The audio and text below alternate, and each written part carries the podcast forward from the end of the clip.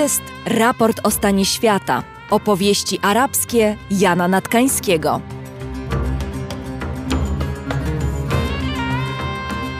Dzień dobry pani, dzień dobry państwu. Ale jak mówimy o opowiastkach arabskich, to assalamu alaikum wa salam alejki. Odcinek pierwszy, w którym powiemy skąd wzięli się Arabowie. Najprościej byłoby powiedzieć z Półwyspu Arabskiego, tylko nazwa Półwysep Arabski jest późniejsza. I kim byli przed pojawieniem się islamu.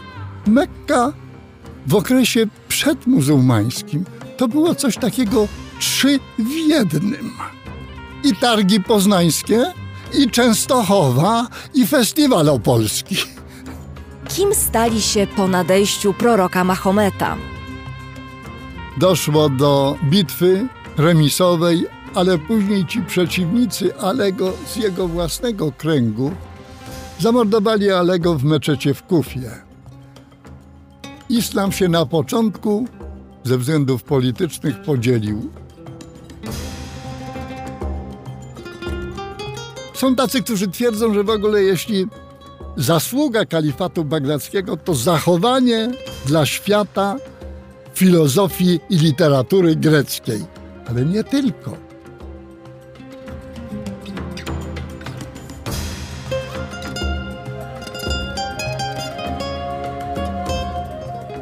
Słynne jest powiedzenie, że jak e, wojska Mameluków egipskich e, zaatakowały Napoleona pod piramidami, to jest słynne hasło. Osły i uczeni do środka, bo, bo trzeba chronić transport i tych mądrych ludzi, których się ze sobą przywiozło.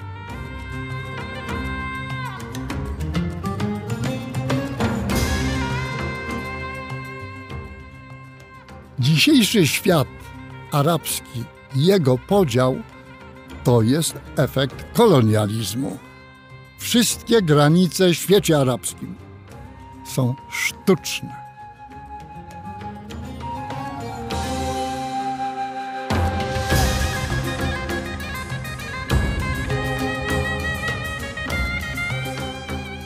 To jest odmienne.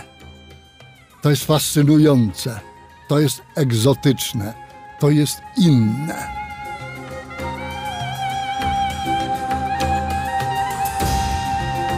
Jan Natkański jest wybitnym arabistą i wieloletnim dyplomatą w krajach arabskich. A ja nazywam się Agata Kasprolewicz i razem z Państwem mam ogromną przyjemność słuchać jego opowieści arabskich.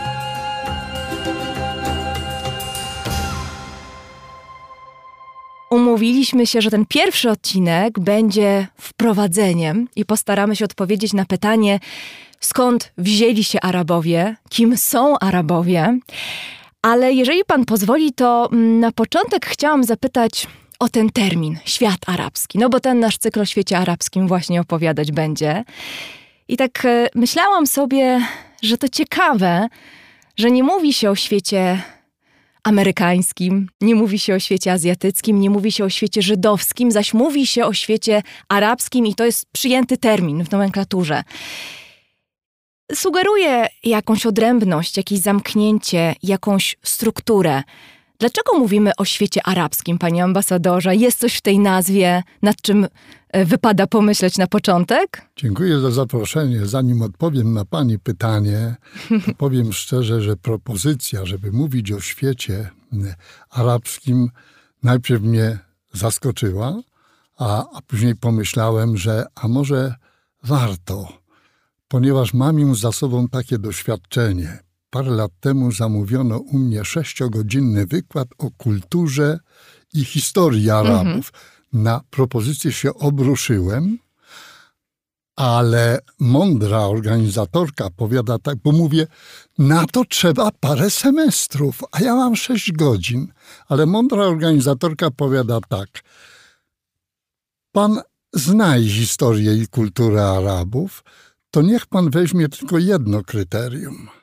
Mianowicie, co z tej olbrzymiej wiedzy warto przekazać Polakom, żeby wiedzieli, ci, którzy jadą zawodowo do świata arabskiego, ci, którzy jadą turystycznie, żeby mieli elementarne pojęcie. I ja myślę, że ja się w czasie tej swojej wypowiedzi będę w znacznej mierze trzymał tego kryterium. Co warto naszym rodakom? Oczywiście to nie będą wypowiedzi ani dla arabistów, ani dla orientalistów, ani dla kulturoznawców, bo oni wiedzą więcej. Ale dla ludzi, którzy nie mają, powiedzmy, czasu na tego typu dywagacje lektury. Ale są ciekawi, ciekawi Ale świata. są ciekawi. No właśnie. No właśnie, to teraz wracam do pytania. Rzeczywiście ten termin sugeruje odrębność. Nawiasem mówiąc, termin świat arabski, Arab World, jest stosowany, z tego co mi wiadomo, głównie na Zachodzie. Sami Arabowie używają terminu al-Watan al-Arabi, ojczyzna arabska, bo rzeczywiście ten olbrzymi obszar, ponad 13 milionów kilometrów kwadratowych, od Zatoki Perskiej i Iranu na wschodzie, po Wybrzeże Atlantyckie w Maroku na zachodzie, jest ojczyzną, dziś powiedzielibyśmy, narodów arabskich. Ojczyzną, do której jest wiele odniesień w każdym z państw arabskich, odniesień historycznych. Dziś mówimy o świecie arabskim albo o państwach arabskich, albo o Arabach jako nacji, bo jako nacja to oni są nadal tego samego pochodzenia i wspólnie, ale dziś podzieleni na poszczególne państwa arabskie w procesie takim, nie wiem jak to nazwać, dośrodkowym w każdym z krajów, to dziś już mówią o sobie na pierwszym miejscu, że są Egipcjanami, Irakijczykami, Saudyjczykami, Marokańczykami, ale dopiero na drugim, że są Arabami, bo przecież rzeczywiście wszyscy nadal są Arabami. Czyli na pierwszym miejscu tożsamość narodowa, dopiero potem ta panarabska. Ona też jest narodowa, A, no tylko, właśnie. tylko inaczej. No właśnie. E, ja ciągle powiadam, że tu się paradoksalnie zwyciężyła kolonialna zasada divide et impera, dziel i rządź.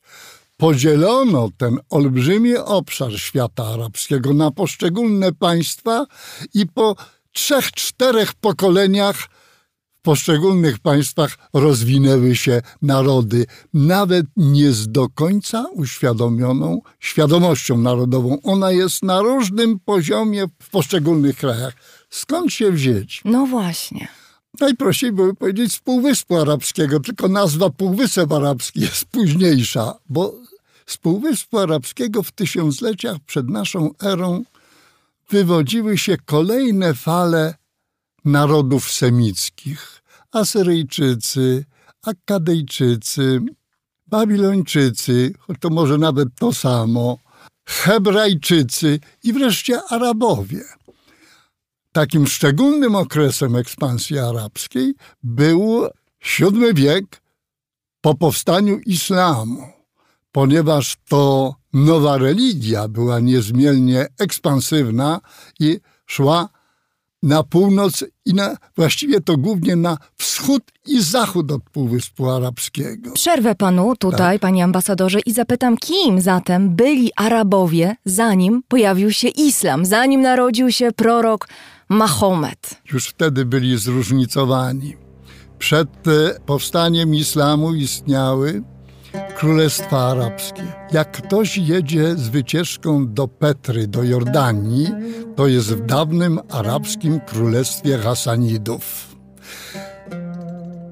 To było na zachodzie, północnej części Półwyspu Arabskiego, ale na wschodzie też było chrześcijańskie królestwo Lachmenidów, ze stolicą, w której było biskupstwo. Stolica się nazywała Hira.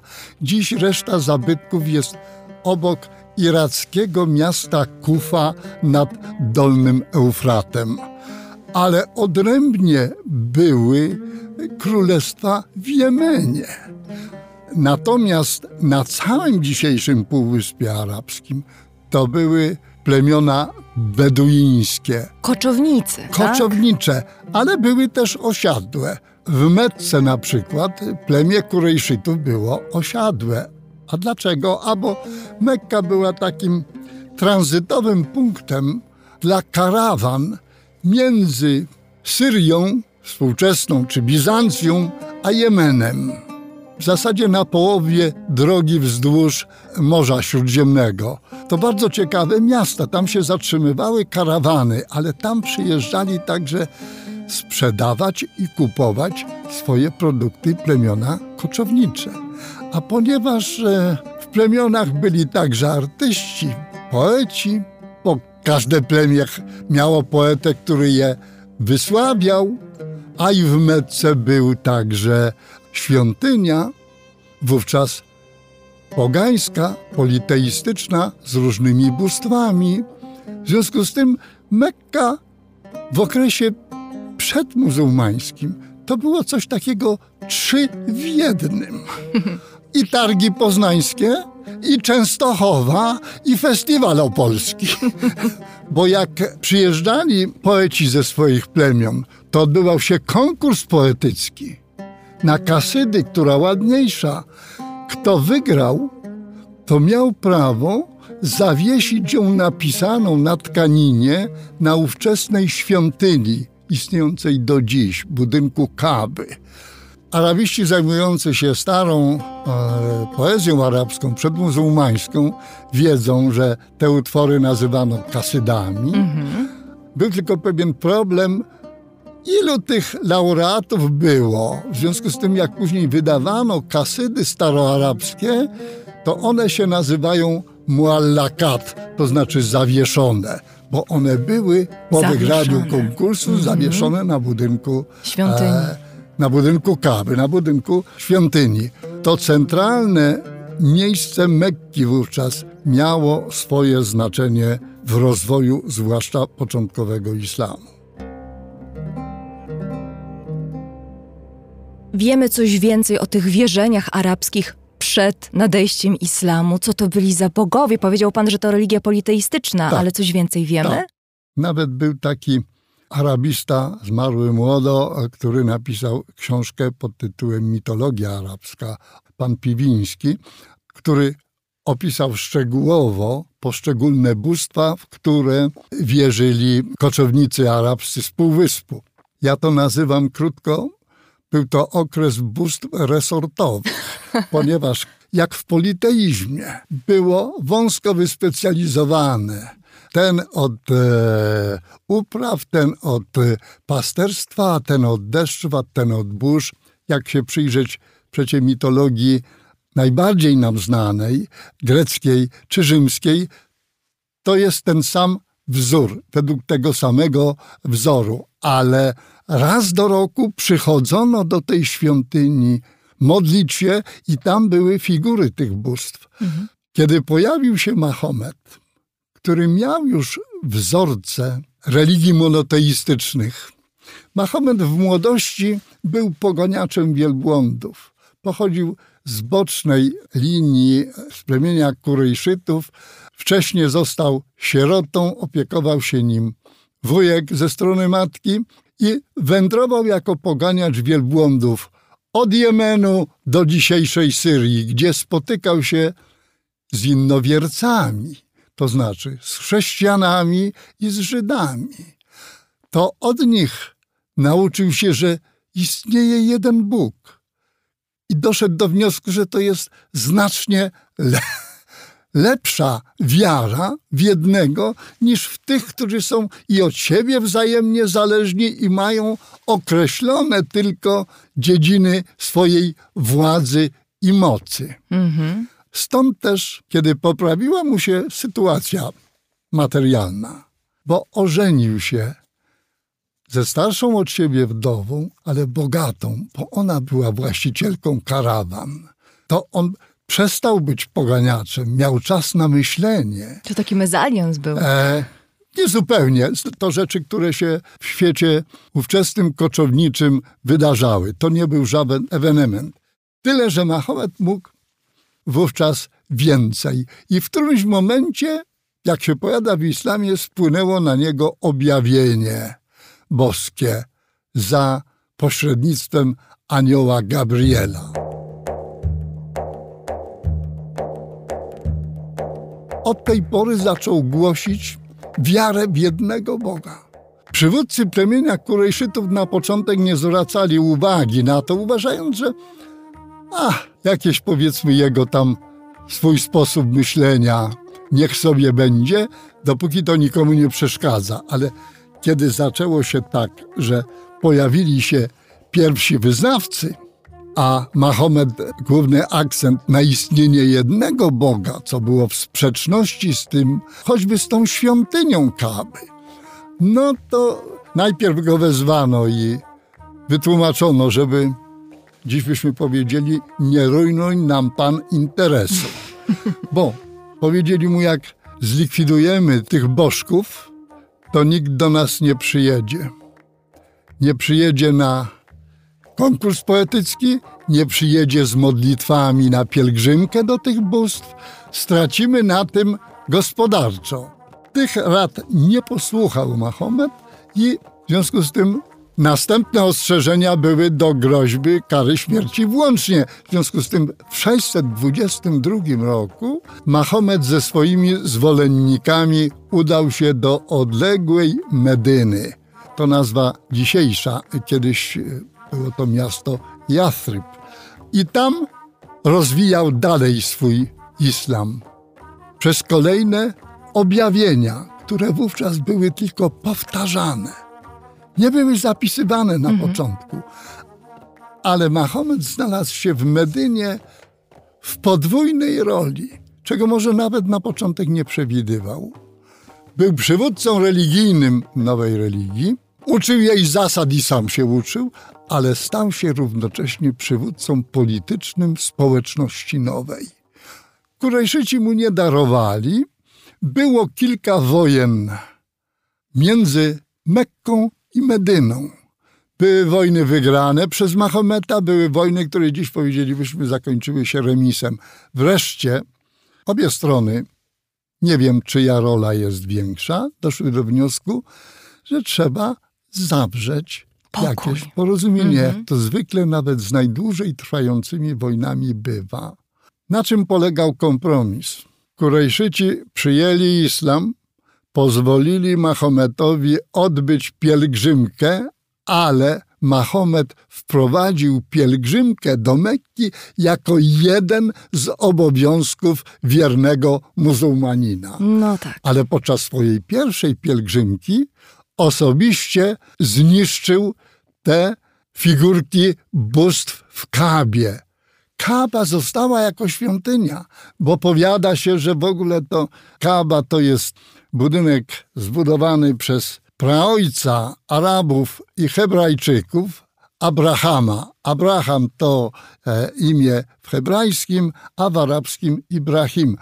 Zbudowany także przy pomocy boskiej, ponieważ w jednym z rogów jest kamień, który spadł z nieba. Meteoryt. Dziś powiadają, meteoryt podobno kiedyś był biały, ale przez dotyki grzesznych ludzi zrobił się czarny. czarny. No to są początki, początki islamu, które dały niebywałą energię koczownikom arabskim. Wszystkie plemiona w różny sposób, w krótkim okresie czasu, plemiona koczownicze na całym Półwyspie Arabskim przyjęły islam koczownicza, ale i wojownicza. I stąd rozpoczęła się ekspansja w VII wieku. I powiedział pan, że zniknęły figurki tych bóstw politeistycznych ze świątyń. No zresztą w islamie przedstawianie podobieństw bóstw jest zakazane, ale nie sprawdziły się te obawy koczowników, że to spowoduje upadek interesów. Wręcz przeciwnie, mamy VII wiek i mamy ogromną ekspansję terytorialną, gospodarczą i polityczną Arabów. Kurejszyci dość szybko chyba zorientowali się, bo wielu z nich stało się wybitnymi dowódcami i generałami tych armii muzułmańskich. Prorok był w Mecce z pielgrzymką w 632 roku i wkrótce zmarł rozpoczęła się kwestia, ponieważ istniało już na dobrą sprawę państwo islamskie przez ponad 10 lat budowane w Medynie. Teraz powstała kwestia, kto po proroku. I tu były dwie możliwości, bo albo istniał wzorzec syn po ojcu, dziedziczenia, albo wśród plemion arabskich istniał drugi zwyczaj wyboru przywódcy. A skąd się taki zwyczaj wziął? Albo koczownicy w poszczególnych plemionach to nie wniosek z logiki wyprowadzony, z doświadczenia, że niekoniecznie po mądrym ojcu przywódcy będzie równie mądry syn. W związku z tym, jak się okazało, że syn nie zapewni plemieniu odpowiedniej pozycji, czyli dostępu do wody dla stad i dostępu do pastwisk i nie ochroni plemienia, to wybierano przywódcę. Nie dziedziczyło się Nie dziedziczyło tego. się. Mhm. I te dwa wzorce również e, pojawiły się, co zrobić z następstwem po Mahomecie. Na początek zwyciężyła koncepcja wyboru. I pierwszych czterech kalifów. Kalif w polszczyźnie słowo za pośrednictwem języka tureckiego od arabskiego halifa, bo halifa to znaczy następca. Otóż pierwszych czterech kalifów było wybieranych spośród współtowarzyszy Mahometa, którzy go osobiście znali, którzy z nim współpracowali. Powiadało się, że gdyby Mahomet miał syna, to nie byłoby tego problemu. Mahomet miał kilkoro dzieci, w tym chłopców, ale wszyscy y, y, y, zmarli w wieku dziecięcym. Została tylko córka. No więc były głosy, że w takim razie mąż córki. Zresztą wybitny muzułmanin, wybitny retor i dobry dowódca. Ali ibn Abi Talib, kuzyn, bliski kuzyn Mahometa, który został wybrany jako czwarty. Ale w tym czasie już podboje tak daleko zaszły, muzułmańskie, że spośród Kurejszytów byli gubernatorzy w różnych prowincjach podbitych, w tym w Damaszku. I wyborowi Alego sprzeciwił się Kurejszyta Muawija w Damaszku. Rozpoczęła się wojna z legalnie ogłoszonym i wybranym kalifem. Ali ku zdziwieniu wielu jego i wściekłości nawet wielu jego zwolenników przystał na arbitraż niepotrzebnie, bo on miał najwyższą władzę. Doszło do bitwy remisowej, ale później ci przeciwnicy Alego z jego własnego kręgu zamordowali Alego w meczecie w Kufie.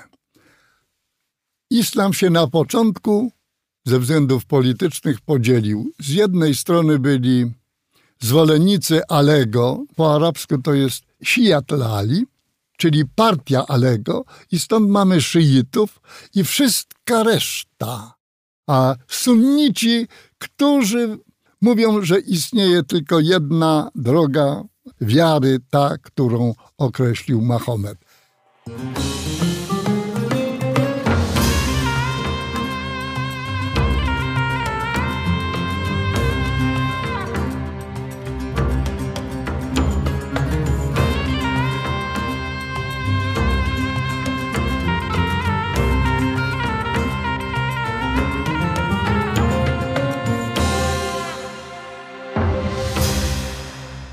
Dziś cały świat muzułmański, bo zacznijmy od tego, że nie tylko Arabowie są muzułmanami. U nas pokutuje takie a, trochę stereotypowe określenie, że jak Arab to muzułmanin. Mhm. Otóż nie. Może być Arab chrześcijanin. Ale takich też w drugą sporo. stronę, I że jeżeli muzułmanin, stronę. jest to Arab. mnóstwo muzułmanów, którzy nie są Arabami. No przecież ol- Persowie. olbrzymi obszar od Nigerii zachodniej w Afryce, cała północna Afryka i cały pas Sahelu od Senegalu do Somalii i cała zachodnia Azja z olbrzymim ludnościowo Pakistanem, Indonezją, z olbrzymią ilością muzułmanów w Indiach, z Iranem, z Azją Środkową. Tu do pani jechałem z Uzbekiem jako kierowcą i porozmawiałem sobie o islamie w republikach, dawnych republikach radzieckich azjatyckich. No i Turcja jeszcze. I Turcja jeszcze 7, prawie 80 milionów ludzi. A i diaspora muzułmańska, olbrzymia poza obszarem świata muzułmańskiego.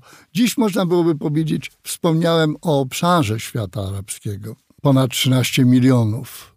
A ludnościowo to jest liczba dochodząca do pół miliarda. Według moich ostatnich gdzieś znalezionych cyfr szacunkowych 460 milionów, ale muzułmanów na świecie jest prawie półtora miliarda. To jest zaledwie jedna trzecia. Arabowie to zaledwie jedna trzecia muzułmanów na świecie dziś. Tylko, że mają swoje specyficzne cechy i tu wracam do pani pytania o świat arabski. Mm -hmm. Po pierwsze, wszyscy są te ponad 13 milionów kilometrów kwadratowych to jest jeden zwarty geograficznie obszar. Bliskiego Wschodu i Północnej Afryki. Po arabsku te dwa regiony się nazywają Maśrek, to Bliski Wschód, z Egiptem włącznie, i Maghreb, to od Egiptu na zachód do Maroka włącznie. Bo wszyscy mają poczucie, po pierwsze, wspólnoty narodowej, tego wspólnego pochodzenia, a wspólnej historii, no i wspólnego języka i wspólnej religii. Odłożymy może na kiedyś rozważania na temat czynników, które jednoczą i dzielą świat arabski, bo to zupełnie odrębna pogadanka. Ale tu może ciągnąc ten rys historyczny, warto powiedzieć parę takich rzeczy, które może także warto zapamiętać. W ciągu VII wieku, propagując nową religię, religię stosunkowo prostą, wyznającą jednego Boga, uproszczoną również w formie rytualnej. Najmłodszą z trzech monoteistycznych, bo wszystkie trzy judaizm, chrześcijaństwo i islam ostatni wywodzą się z tego samego regionu. Mało tego, mają wspólne cechy. One są nazwane e, religiami niebiańskimi, monoteistycznymi, wierzącymi w jednego Boga. Muzułmanie mają na wyznawców wszystkich trzech takie ładne określenie rodzina księgi. Ahlul Kitab. A dlaczego? Bo każda z tych trzech religii ma swoje pismo święte. Torę, Ewangelię czy e, Koran. Koran. Każda, w zasadzie to istnieje zestaw dogmatów religijnych wspólnych. Mają też wspólnych proroków. Mają wspólnych proroków. Rzeczywiście prorocy hebrajscy są uznawani w islamie. Poruszyła Pani bardzo ciekawą rzecz. Ja pamiętam swoje pobyty w jakichś e, meczetach w Syrii, w szyickim meczecie, gdzie trochę na mnie z żoną patrzono powiedzmy z boku. Nie wiedziałem, czym się ta nasza wizyta w meczecie, zresztą w meczecie Grobowcu, jednej z wnuczek Mahometa na południu Damaszku, czym się to zakończy. W środku był wypisana litania proroków. I myśmy to głośno z żoną zaczęli czytać po arabsku. W związku z tym trochę ci nasi tutaj sąsiedzi w meczecie byli skonfundowani, kto to jest. No może przyjechali z jakiegoś odległego kraju muzułmańskiego. A ta lista zaczynała się od Noego, kończyła się na Mahomecie. Wszyscy hebrajscy prorocy Starego Testamentu byli wymienieni. Ciekawostka tylko było taka, że każdy z proroków był wymieniony z imienia i imienia ojca. Tylko jeden był przypadek, gdzie był imię i imię matki. Isa ibn Mariam, Jezus syn Marii, był to przedostatnia, bo ostatni Mahomet. Mahomet, który nawet e, w teologii islamskiej ma specyficzne określenie korona proroków, Taju al-Anbiya, a co znaczy, że już po Mahomecie proroków nie będzie.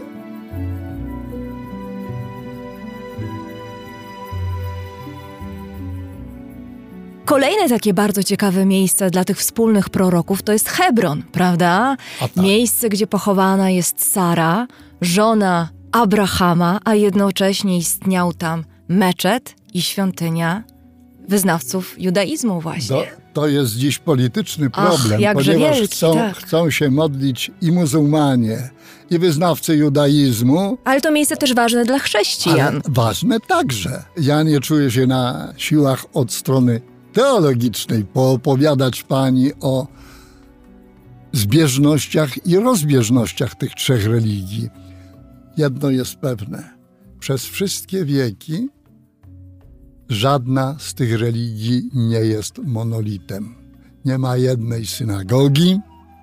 Kościół najpierw po wielkiej schizmie w 1056 roku na katolicyzm i prawosławie rozpadł się. Reformacja mu dołożyła protestantów w różnych denominacjach. Na wschodzie pozostały kościoły orientalne, bo przez pierwsze wieki chrześcijaństwa to z wyjątkiem Rzymu ośrodki chrześcijaństwa były na Bliskim Wschodzie. Konstantynopol, Antiochia, Jerozolima i Aleksandria w Egipcie.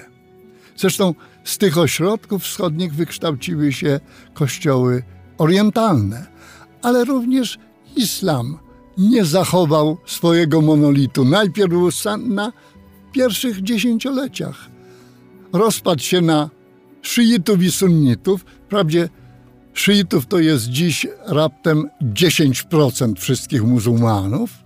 Głównie w Iranie, to jest dominujące państwo z wyznaniem szyickim, ale są też w Pakistanie, w Azerbejdżanie, na południu Libanu, 60% ludności Iraku to szyici. Są grupy szyickie w państwach Zatoki Perskiej. Również ta druga część, sunnicka, nie jest monolityczna. To u sunnitów pojawił się islam mistyczny, sufizm. Od ksiąg po tańce derwiszów. Yy, I poezja piękna. Poezja piękna, rzeczywiście, choćby Jalaleddina Rumiego, ale również w późniejszych wiekach pojawiły się u szyitów sekty, Ismailici w Pakistanie, Ibadyci w Omanie, Zajdyci w Jemenie, Alawici w Syrii i w Turcji. Ale po drugiej stronie u sunnitów, oprócz wspomnianego sufizmu, także, zwłaszcza w ostatnich dwóch, trzech wiekach, kiedy wielu wiernych uczonych w piśmie doszło do wniosku, że odeszliśmy daleko od litery prawa koranicznego, musimy wrócić. Pojawiły się ortodoksyjne, Najbardziej radykalne, takie Radykalne. odłamy islamu. trudno powiedzieć, sekty, nurty, wahabitów w Arabii Saudyjskiej, salafitów w innych krajach Bliskiego Wschodu. Krótko mówiąc, żadna z tych trzech wielkich religii nie zachowała się jako monolit. Dużo czasu poświęciliśmy religii, islamowi, ale słusznie, bo tak jak pan powiedział, ten podział na sunitów i szyitów, który nastąpił po zamordowaniu Alego, jest e, takim kryterium, które do dzisiaj porządkuje polityka, prawda? I nie tylko w świecie arabskim, ale globalnie. I co jest też ciekawe i o co chciałam pana dopytać, to to, jakim czynnikiem dla rozwoju świata arabskiego było przyjęcie religii monoteistycznej. No bo jak popatrzymy na tę historię, to widzimy, że po przyjęciu islamu przez e, tych koczowników, przez tych handlarzy, tych kupców, o których Pan opowiadał na samym początku, mamy przyspieszenie, mamy ekspansję, mamy rozwój. Czy ten monoteizm wpłynął twórczo, wpłynął rozwojowo na, na historię arabską? Wpłynął rozwojowo w tym sensie, że umożliwił, zainspirował podboje. Ale w tych podbojach, kiedy w krótkim okresie czasu Arabowie szerząc islam dotarli na zachodzie do Atlantyku, przekroczyli cieśninę gibraltarską, Nawiasem mówiąc, sama nazwa Gibraltar jest arabską, bo to jest Gibraltaryk. Tak się nazywał dowódca. Ach, to nazwisko Skrót- dowódcy. skrót od jego, od jego nazwy z lokalną wymową dał nazwę, powiedzmy, skale gibraltarskiej. Przekroczyli Arabowie cieśninę i zajęli prawie całą Hiszpanię. Mało tego, powędrowali przez Pireneje. Gdyby nie zwycięstwo frankońskiego króla Karola Młota pod Poitiers w południowej Francji, to zachodnia Europa, tak jak Hiszpania na parę wieków, byłaby pod kontrolą muzułmańską.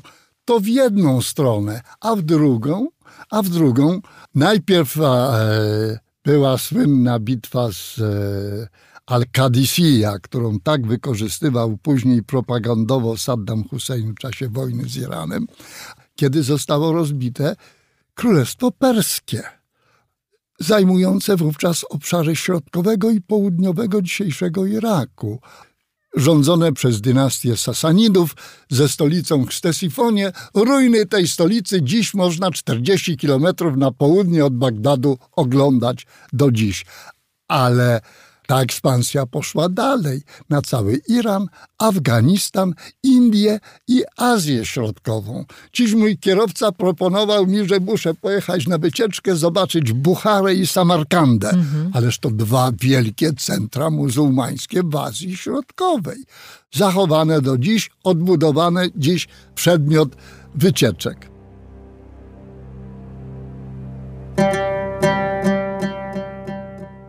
Tym okresie ekspansji na pierwszym etapie zorganizowano centrum w Damaszku.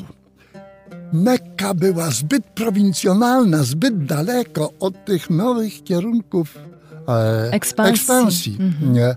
Od owego Muawii, który sprzeciwił się wyborowi Alego na czwartego wybieralnego kalifa, powstała w Damaszku dynastia. On się ogłosił kalifem i założył dynastię. Od 661 roku do 750 centrum było w Damaszku i tam powstał kalifat omajacki.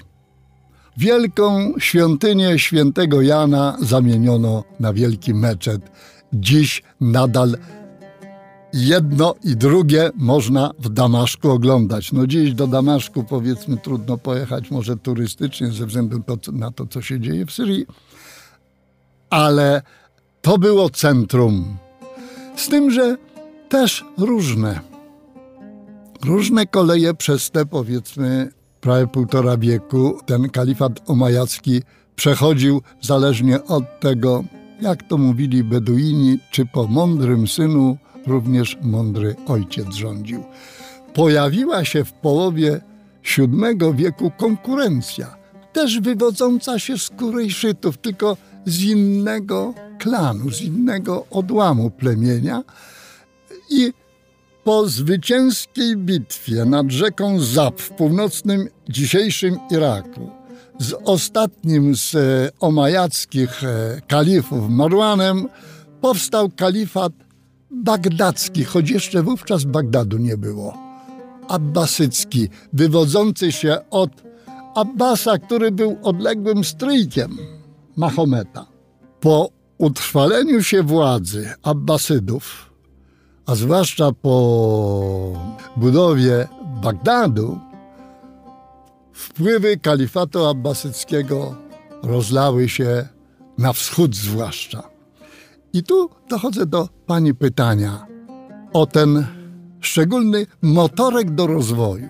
Trzeba na przyznać Arabom, którzy stanowili większość armii w tych podbojach, że mieli świadomość niższości kulturowej.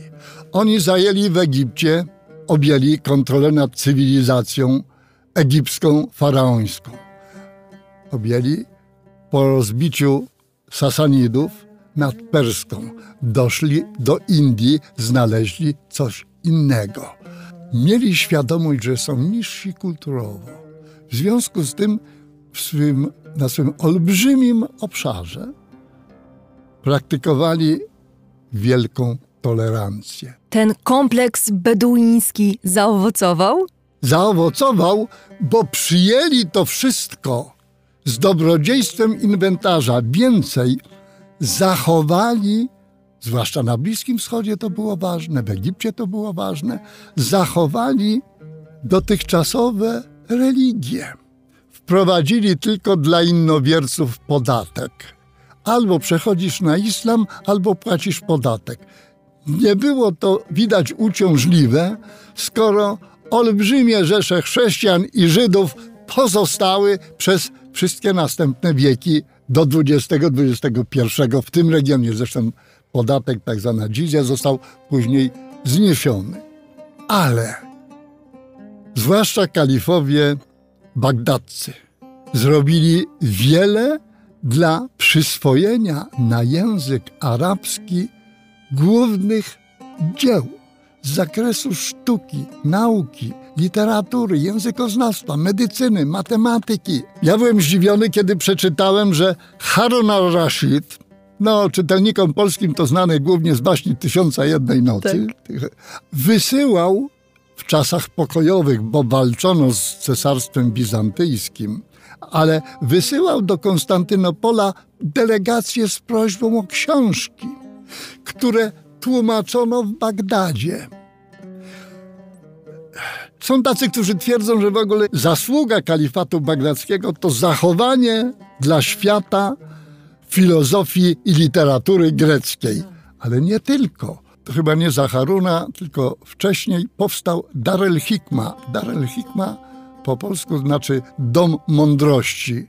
Ja bym powiedział Akademia Nauk na dzisiejsze czasy, bo tam zbierano tłumaczy wybitnych, bardzo często chrześcijan, bardzo często Żydów, bardzo często Greków, również Persów, którzy tłumaczyli utwory, jakie były w tych poprzednich cywilizacjach.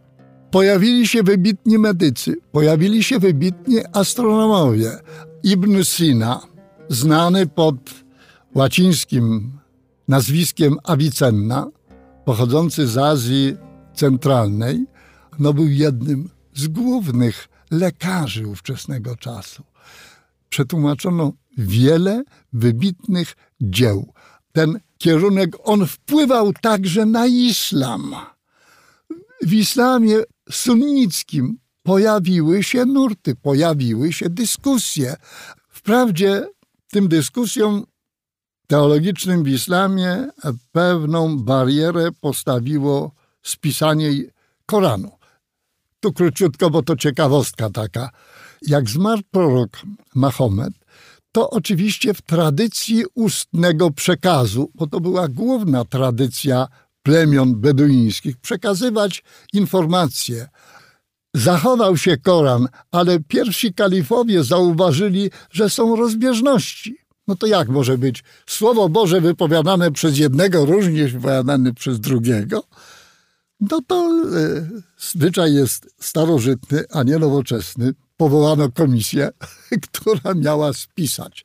To za kalifa Osmana spisano wszystkie ustnie przekazywane fragmenty Koranu, poszczególne sury, bo tak się nazywa rozdział Koranu.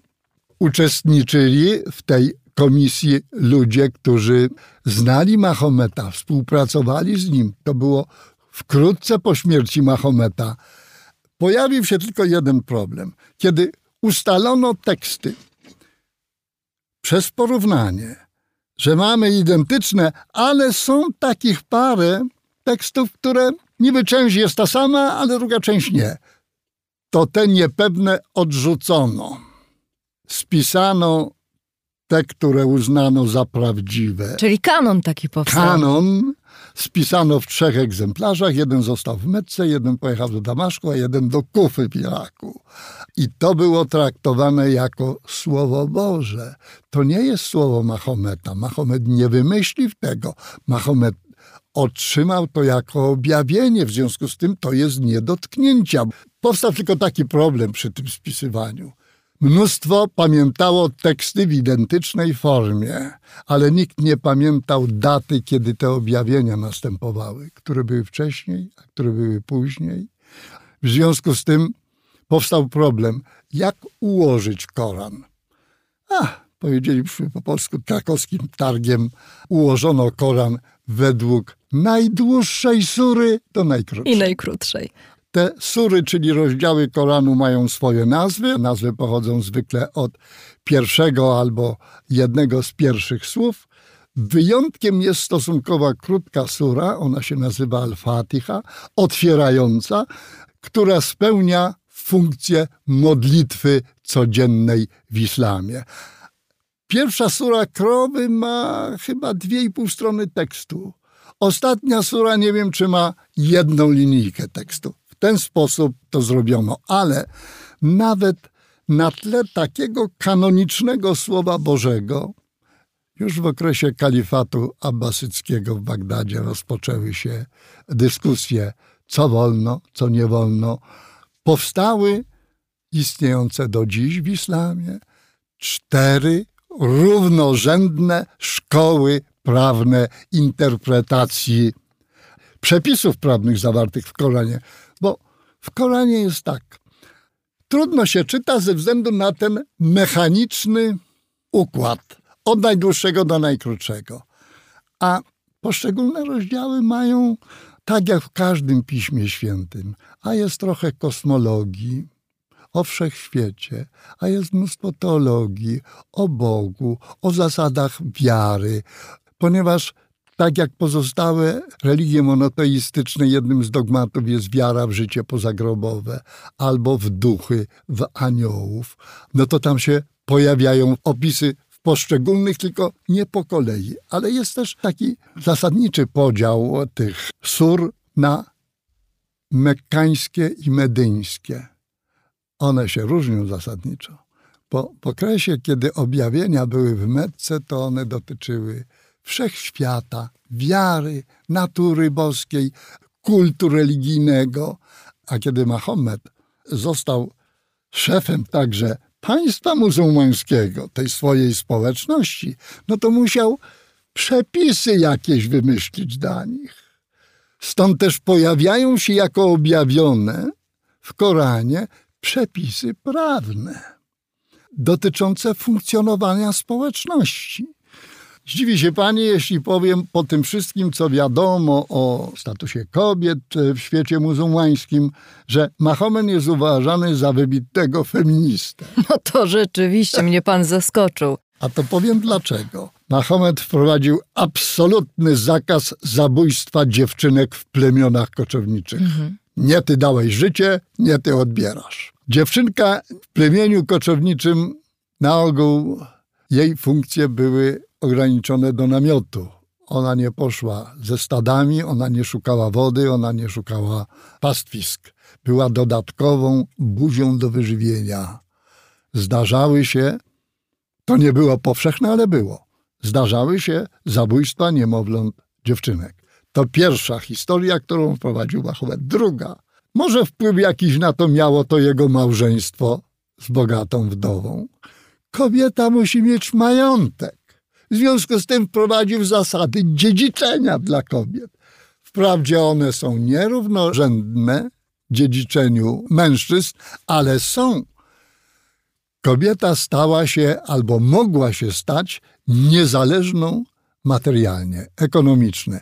To takie powiedzmy jeszcze uwaga na temat tego, co powiedzieliśmy o mhm. Koranie.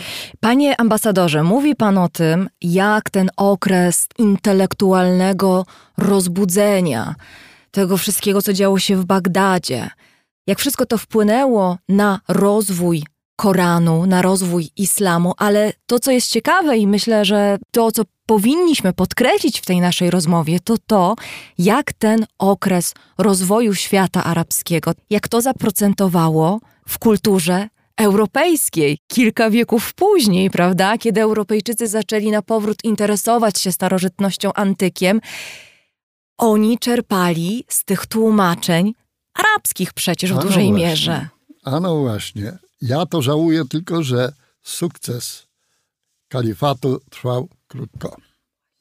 Był to za za wielki obszar przy ówczesnych środkach komunikacji. Od Himalajów po Hiszpanię, powiedzmy. Po tak. Za duży obszar przy ówczesnych środkach komunikacji, różnorodność kulturowa różnorodność etniczna, ambicje poszczególnych przywódców lokalnych, gubernatorów doprowadziły do tego, że w zasadzie kalifat to VIII-IX wiek, ponieważ powstawały konkurencyjne. Powstał od IX do XI wieku kalifat omajacki, odrodził się w Kordobie, w Hiszpanii, a później też się rozpadł na Emiraty. A od IX do XI wieku był kalifat fatymicki w Kairze.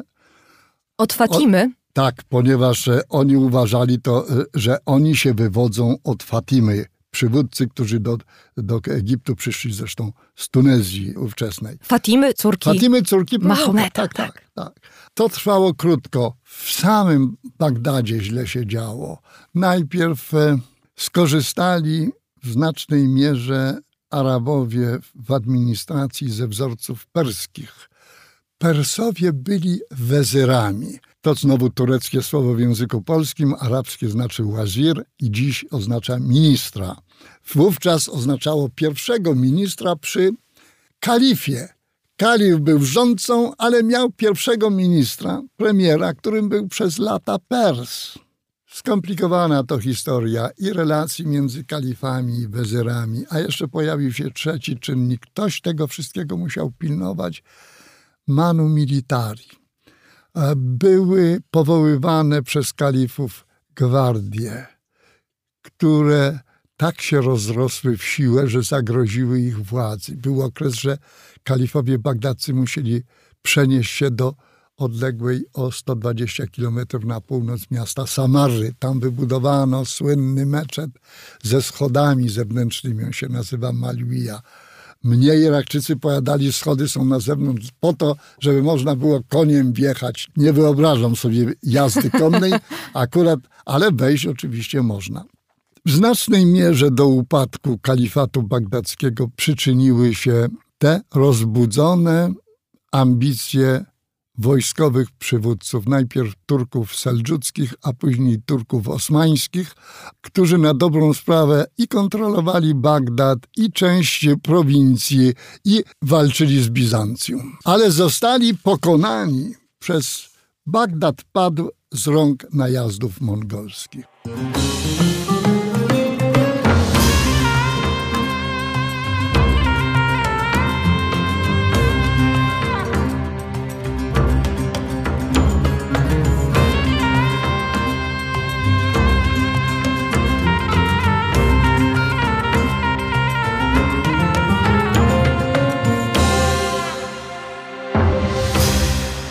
Bo powiedzmy, to był okres tych wszystkich intelektualnych, duchowych olśnień, ale to był też okres rozlewu krwi. Tak, okropnego, okropnego.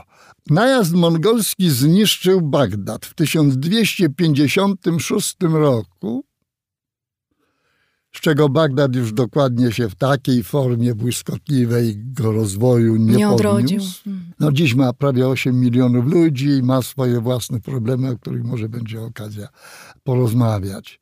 Legenda niesprawdzona głosi, że z bibliotek Bagdadu usypano groble przez rzekę Tygrys. Nie wiem na ile prawdziwe, niemniej zniszczono. Zniszczono. Był jeszcze ten najazd hulagu mongolski był straszny, ale powtórzył się ponownie w 1401 roku. To, co pani wspomina, to wystarczy opowiedzieć taką historyjkę.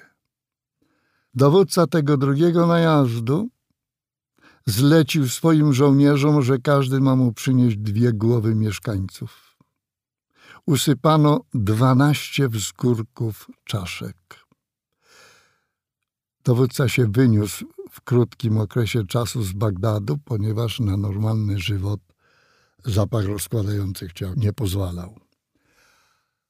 Ten w Bagdadzie, jak może kiedyś będziemy mówić o Iraku, ten wątek okrucieństwa i przelewu krwi trwał do końca XX wieku, a może nawet jeszcze dalej.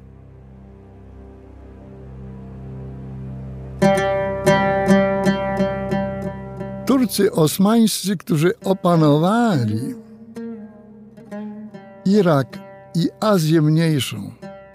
I wreszcie zdobyli Konstantynopol w 1453 roku. Już wcześniej opanowali znaczną część Europy Południowej. Ale przejęli także kalifat. Kiedy przejęli? Był jeszcze samodzielny Egipt w 517 roku. W bitwie pod Kairem wojska e, Mameluków egipskich zostały rozbite i kraje arabskie stały się prowincjami wielkiego imperium osmańskiego, tureckiego. I nadchodzi czas ogromnego I zastoju. Się, I taką datę wskazują tą bitwę pod e, Kairem w 1517 roku i nazywają to okresem zastoju do końca XIX wieku. Od 517 w zasadzie do, do I wojny światowej, ale ruchy się rozpoczęły powiedzmy różnego rodzaju w świecie arabskim już w drugiej połowie XIX wieku. Islam również uległ temu zastojowi. Uczono się na pamięć Koranu, powtarzano pamięciowo teologiczne formułki, nastąpił absolutny zastój.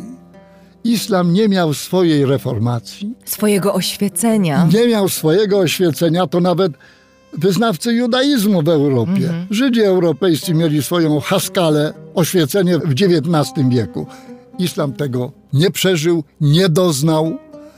W tej skostniałej formie przeszedł do XX wieku, do współczesnych organizacji i technologii. I to jest jeden z wielkich problemów dla islamu współcześnie. Dzisiaj. I to od lat byli wprawdzie. W drugiej połowie XIX wieku byli pierwsi teologowie muzułmańscy, którzy próbowali jakichś form modernizacji. Działali w Egipcie, zwłaszcza Jalaleddin Afghani. Nazwisko wskazuje, że wywodził się raczej, że urodził się i wywodził się z Azji i jego egipski uczeń Abdu rozpoczęły się w islamie dwudziestowiecznym różne nurty, ale w jedną i w drugą stronę. I modernizacyjne, i radykalne, wracające, ortodoksyjne. Uwsteczniające wręcz. Uwsteczniające. I jest to pełna e, paleta.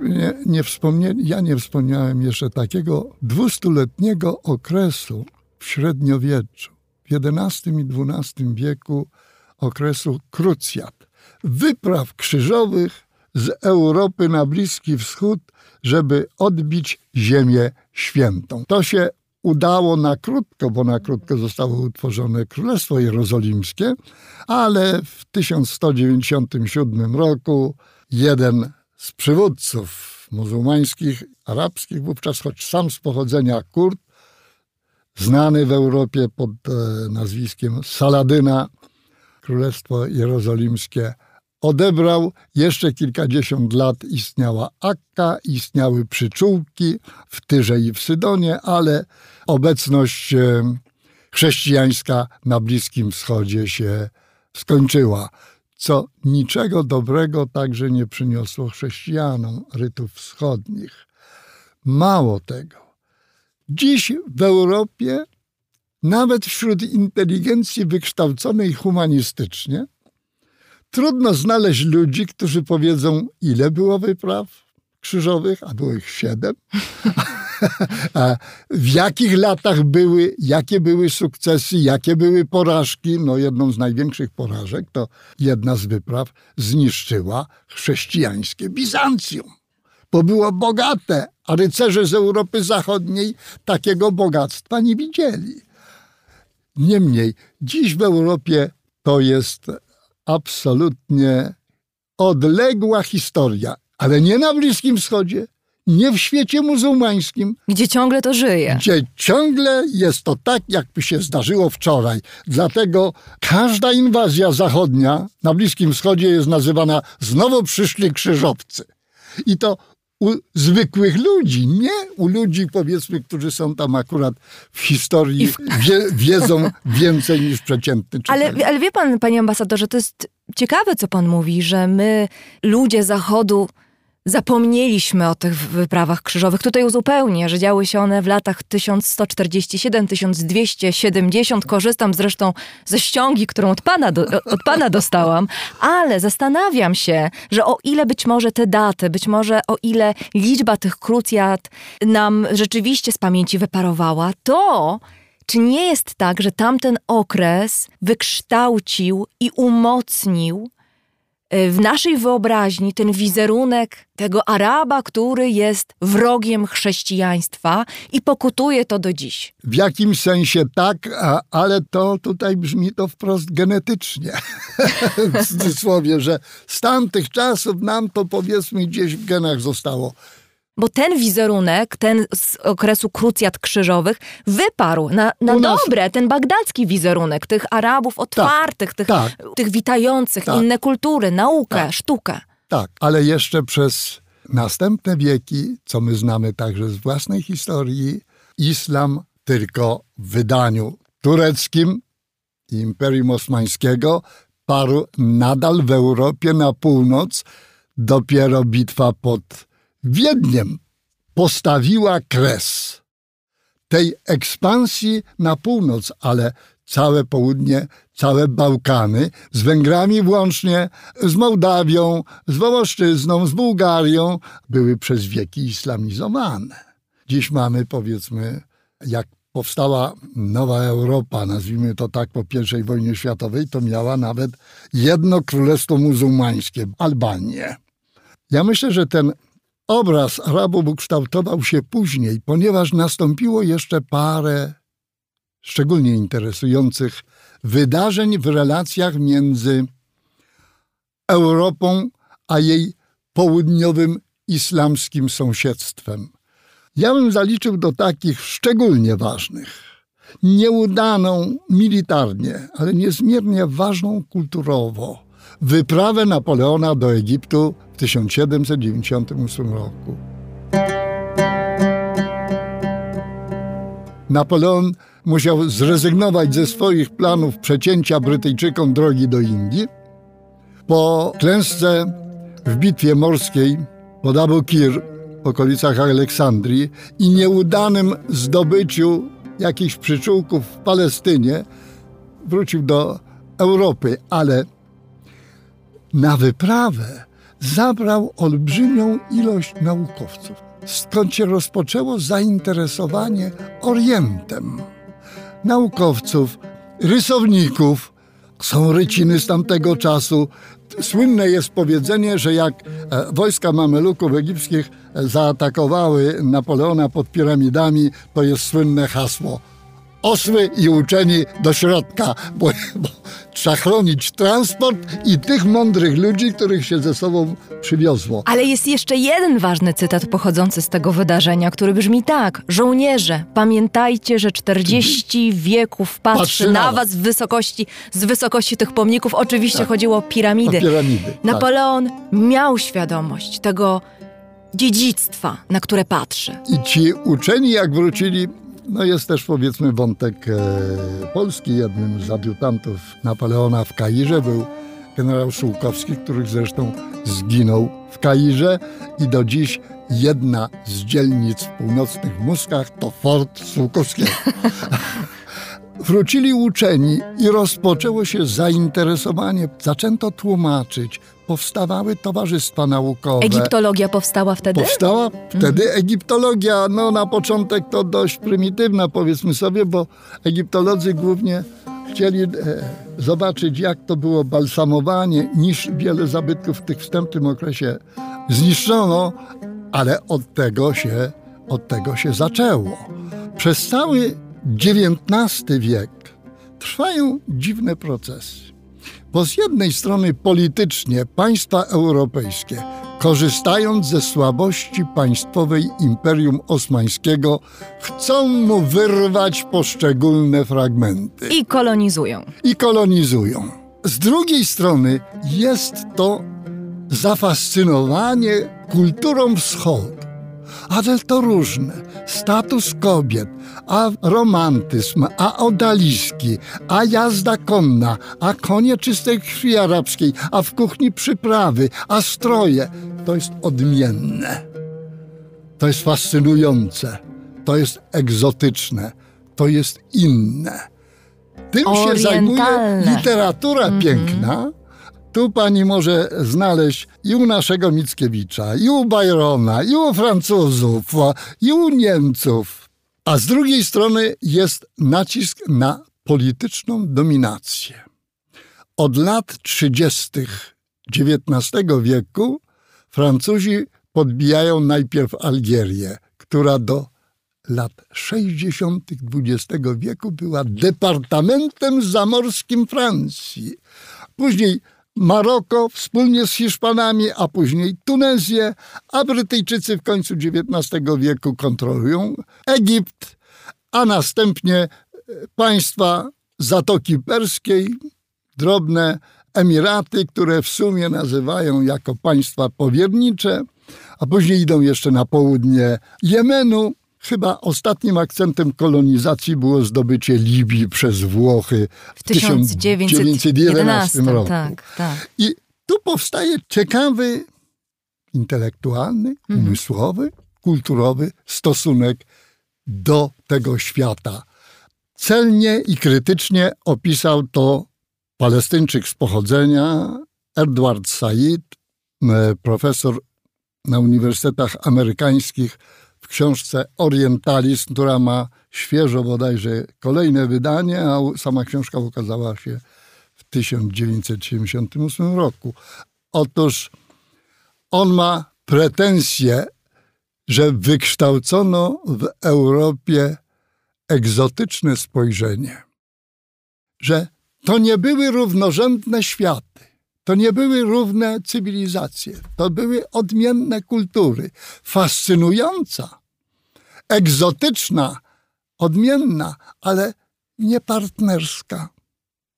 To zarzuty Edwarda Saida, ale z drugiej strony są autorzy, którzy podkreślają inną jeszcze rzecz. Jak się zachowywali Europejczycy w tych koloniach w świecie arabskim? no z wyższością. Tu szczególnie Brytyjczycy ze swoją Splendid Isolation w ogóle nie chcieli niemalże mieć kontaktów. Francuzi w trochę inny sposób. To doprowadziło do ruchów antykolonialnych. Dzisiejszy świat arabski, jego podział to jest efekt kolonializmu. Chociaż na Bliskim Wschodzie, kiedy jeszcze zanim rozpadło się Imperium Osmańskie, które w nieszczęśliwy sposób przyłączyło się do tego do państw centralnych, czyli do Austro-Węgier i Niemiec, to w 1916 roku podpisano traktat brytyjsko-francuski, znany od nazwisk ówczesnych ministrów spraw zagranicznych obu krajów jako traktat Sykes-Picot, gdzie podzielono Bliski Wschód między oba kraje. Francja otrzymała Liban i Syrię, a Wielka Brytania Irak, Palestynę i Jordanię, wówczas Transjordanię. Ta nazwa dopiero się po II wojnie światowej Jordania pojawiła. Narysowano na mapie granice, niemalże pod linijkę. W Egipcie to pod linijkę. Wszystkie granice świata arabskiego w świecie arabskim są sztuczne, narysowane przez kolonialistów. A nawet te państwa, które powstały jakoś tak samodzielnie, bo na przykład takim państwem, które nie miało nic wspólnego z kolonializmem, mimo że formalnie cały obszar był pod panowaniem tureckim, ale nominalnym. To jest Arabia Saudyjska. To klan Saudów w długiej wojnie z plemionami w latach 1902-32, w 1932 proklamował Królestwo Arabii Saudyjskiej. Nigdy nie był pod żadną kontrolą Jemen Północny. To było malekickie królestwo Jemenu, rządzone przez e, imama e, sekty Zajdytów. Dopiero w 1962 roku monarchia w Jemenie została obalona nie bez e, sporej pomocy generała Nasera, ówczesnego prezydenta Egiptu. wszystkie państwa arabskie powstały na fali dekolonizacji. Egipt był pierwszym w 1921 roku. Brytyjczycy siedzieli w strefie kanału, ale państwo było suwerenne, podobnie jak Irak od 1932 roku. Były to dwa państwa arabskie przyjęte do Ligi Narodów przed wojną. Natomiast od II wojny światowej w górę powstawały kolejne na fali dekolonizacji. Najpierw Syria i Liban i Jordania w 1946 roku, w 1956 Maroko, Sudan, Tunezja, w 1961 Kuwejt, w 1967 Jemen Południowy, który był kolonią brytyjską z Adenem i w 1970 roku Wielka Brytania ogłosiła taką doktrynę o wycofaniu się z terenów na wschód od Adenu. Efektem było powstanie tych państw w Zatoce Perskiej w 1971 roku. Suwerenność pełną odzyskały Oman, Katar, Bahrein i siedem emiratów dawnych państw powierniczych a najpierw proponowano, żeby one wszystkie, łącznie z Bahreinem i Katarem, stały się federacją. Bahrein i Katar odmówiły, pozostałe siedem z głównym Abu Zabi nie mniej ważnym Dubajem stworzyły istniejące do dziś państwo Zjednoczone Emiraty Arabskie. I to jest współczesna mapa świata arabskiego. I mam nadzieję, że Państwo, którzy nas teraz słuchają, mają przed oczami tę współczesną mapę świata arabskiego. Mapę, która była kształtowana, która była rysowana przez kolonizatorów, która później powstawała na skutek dekolonizacji. I na wzór tych dekolonizacyjnych ruchów i dynamiki te granice również się kształtowały. I o tym wszystkim co wydarzyło się później, co wydarzyło się dalej, będziemy opowiadać w kolejnych odcinkach naszych opowieści o świecie arabskim, a już w tym najbliższym, drugim odcinku spróbujemy odpowiedzieć na pytanie, czy istnieje, panie ambasadorze, coś takiego jak tożsamość arabska, no bo istnieje świat arabski. Niech mi pani da parę dni na zastanowienie. To był pierwszy odcinek opowieści arabskich Jana Natkańskiego w raporcie o stanie świata. Program realizował Chris Wawrzak w studiu Efektura w Warszawie. Drodzy Państwo, opowieści arabskie Jana Natkańskiego to kolejna seria programów raportu o stanie świata, która powstaje dzięki Państwa zaangażowaniu, dzięki ofiarności. Z serca dziękuję Państwu za to, że jesteście z nami. A jeśli ktoś chciałby dołączyć do grona patronów raportu o stanie świata, zapraszam na mój profil w serwisie patronite.pl, bo za jego pośrednictwem najłatwiej nas wesprzeć. Dziękuję z serca.